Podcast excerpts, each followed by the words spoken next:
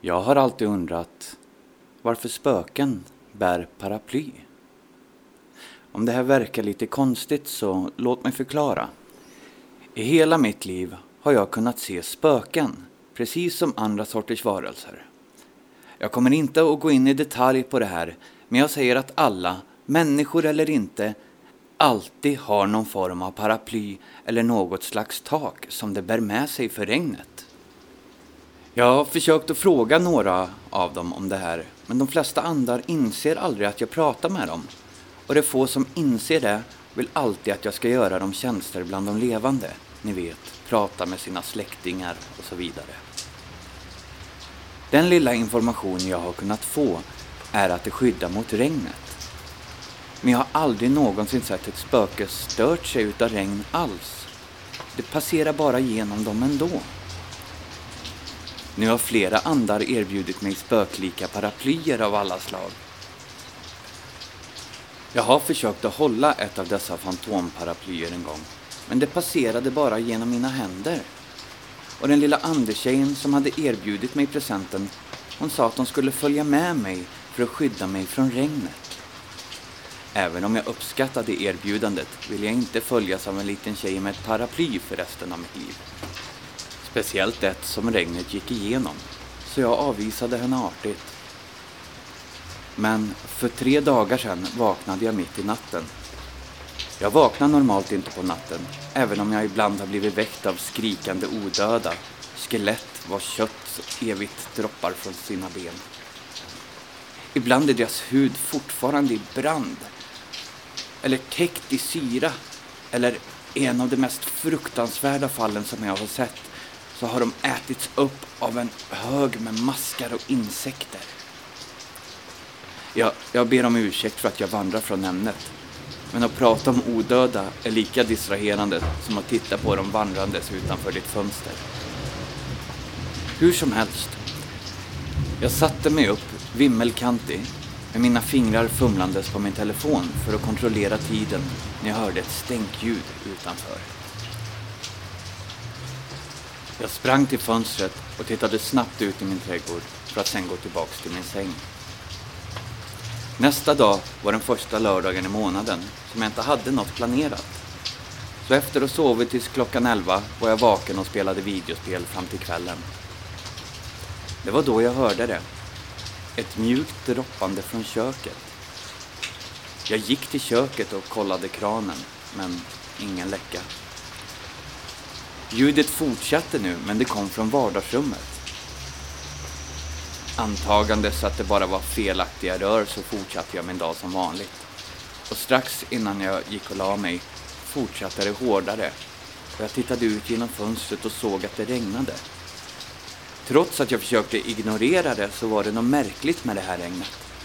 Det verkade skumt och ur fokus, nästan som, som ett spöke. Det var då jag märkte något förvånande. Regnet föll inuti huset. Det spöklika regnet gick genom taket som att det inte var där alls.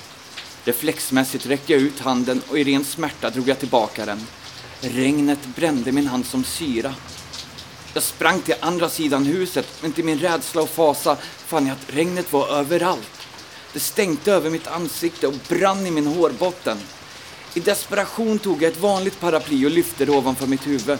Men det var hjälplöst, för det var inte riktigt regn som var där. Jag sprang ut på gatan och såg en vanlig person som gick förbi. Regnet gick igenom honom som att han inte var där. Men jag var, och min hud droppade av min kropp. Benen i min hand var nu tydligt synliga. Ur ögonvrån såg ett spöke vandra förbi med ett paraply som höjdes högt. Jag hörde inte vad det mumlade över regnets brus, nu fallandes ner som spön. Jag läste läpparna och förstod. Och jag använde paraply.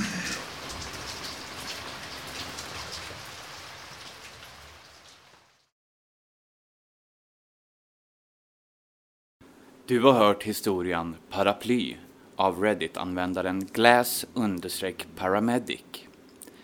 Och visst är det så att man inte vet om den andra sidan bringar smärta eller inte.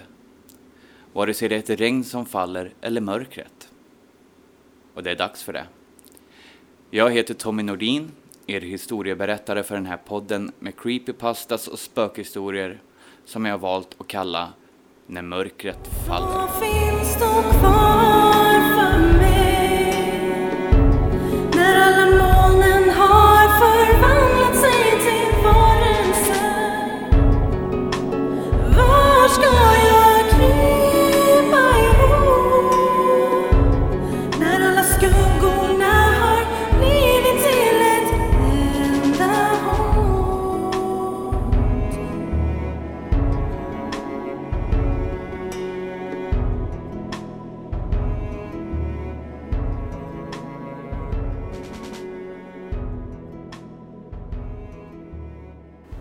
Jag kommer inte sticka under stol med att jag är beroende av creepypastas.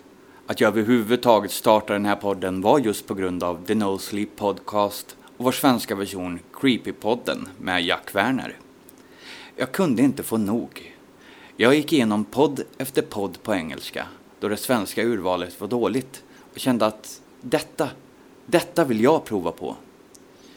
Så gillar ni mina historier, prenumerera gärna, ge gärna fem stjärnor på iTunes eller den app du hör denna podden på. Det betyder mycket för mig. Nu har ju naturen inte bara regn. Naturen har så mycket mer. Och i denna nästa korta berättelse, skriven av Code-Exile 1911 på Reddit, så besöker vi ett träd. Men inte vilket träd som helst. Willows Tree.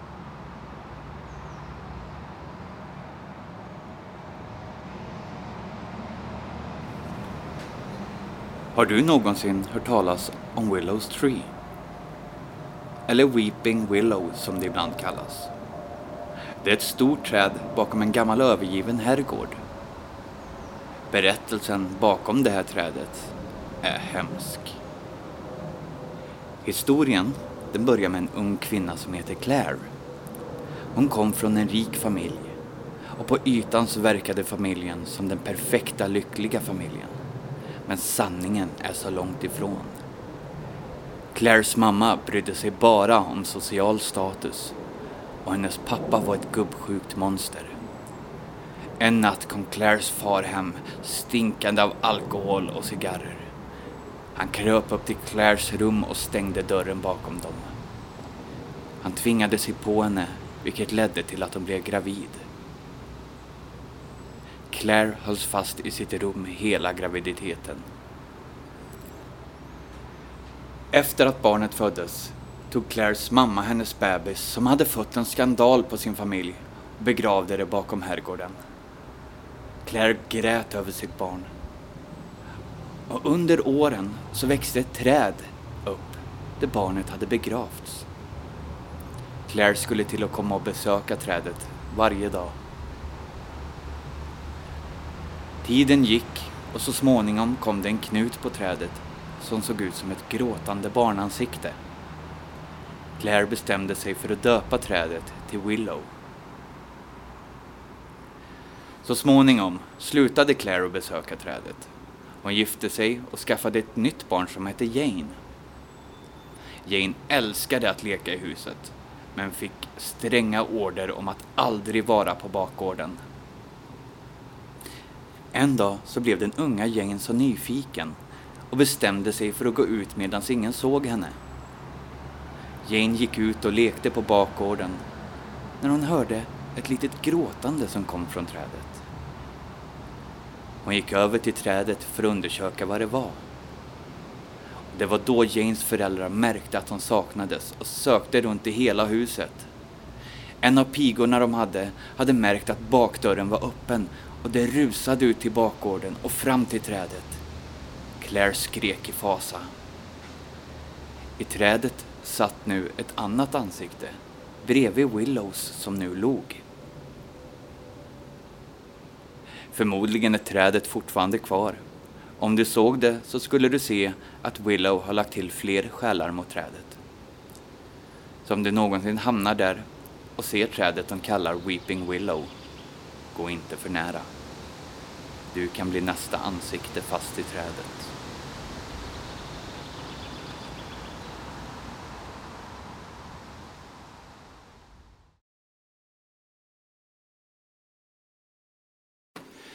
Du har just lyssnat på Willows Tree, skriven av Code Exile 1911 på Reddit.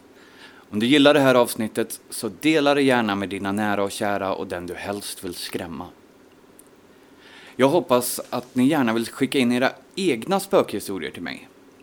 Min mejladress är tommy.nordin nmfpodd med ett e.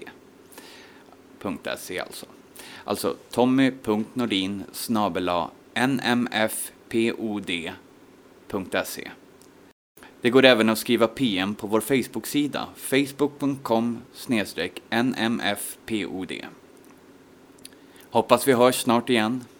Nu kryper jag tillbaka till mitt hål och ber er, var extra försiktiga när mörkret faller.